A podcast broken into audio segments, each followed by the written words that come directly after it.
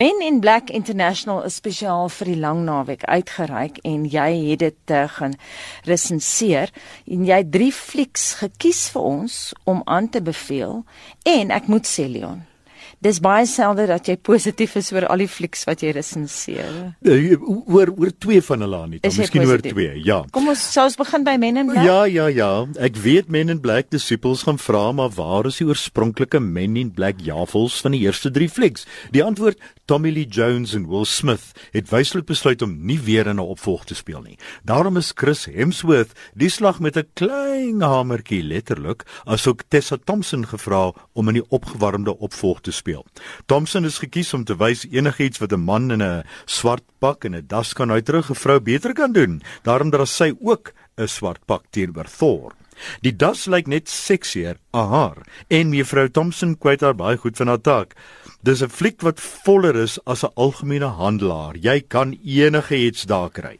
Maar die res van die rolprent is een groot beslommernis. Om die lemmetjie dun storie aan te vul, is daar die ene kaboomielie ontploffings, gevegte, goggabies, kwinkslaap, popliedjies, mooi plekke waar jy 'n selfie wil neem en buitensporige aksie. Een paar oë kan net soveel visuele kou gemonteer voordat jy 'n donker bril benodig. Daarom, Men in Black is geforseerd, so teleurstellend jy wil in jou graanvlokkie snik daaroor en banaal pateties oordrewe. Dit volg in die tradisie van soveel ander vervolge waar wat die charme van die oorspronklike flieks totaal vernietig en rolprente eintlik doodmaak.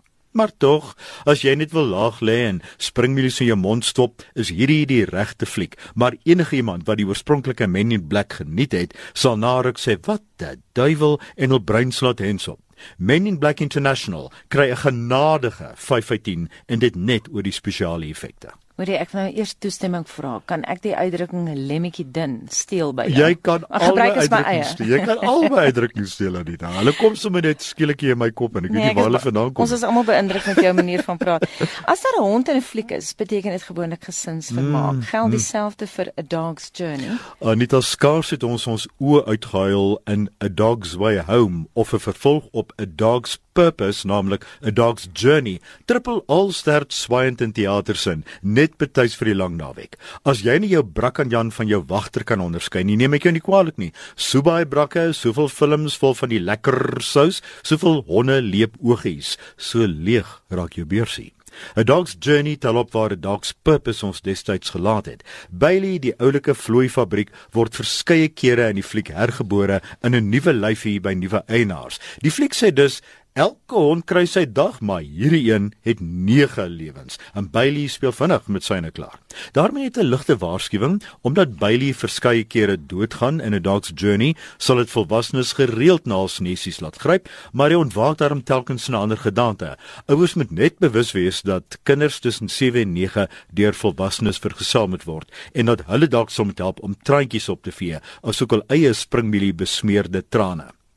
A Dog's Journey is 'n gesinsfliek met 'n sedelesie. Dis nooit te laat om foute reg te maak nie. Dis tranerig maar ook inspirerend. A Dog's Journey 17.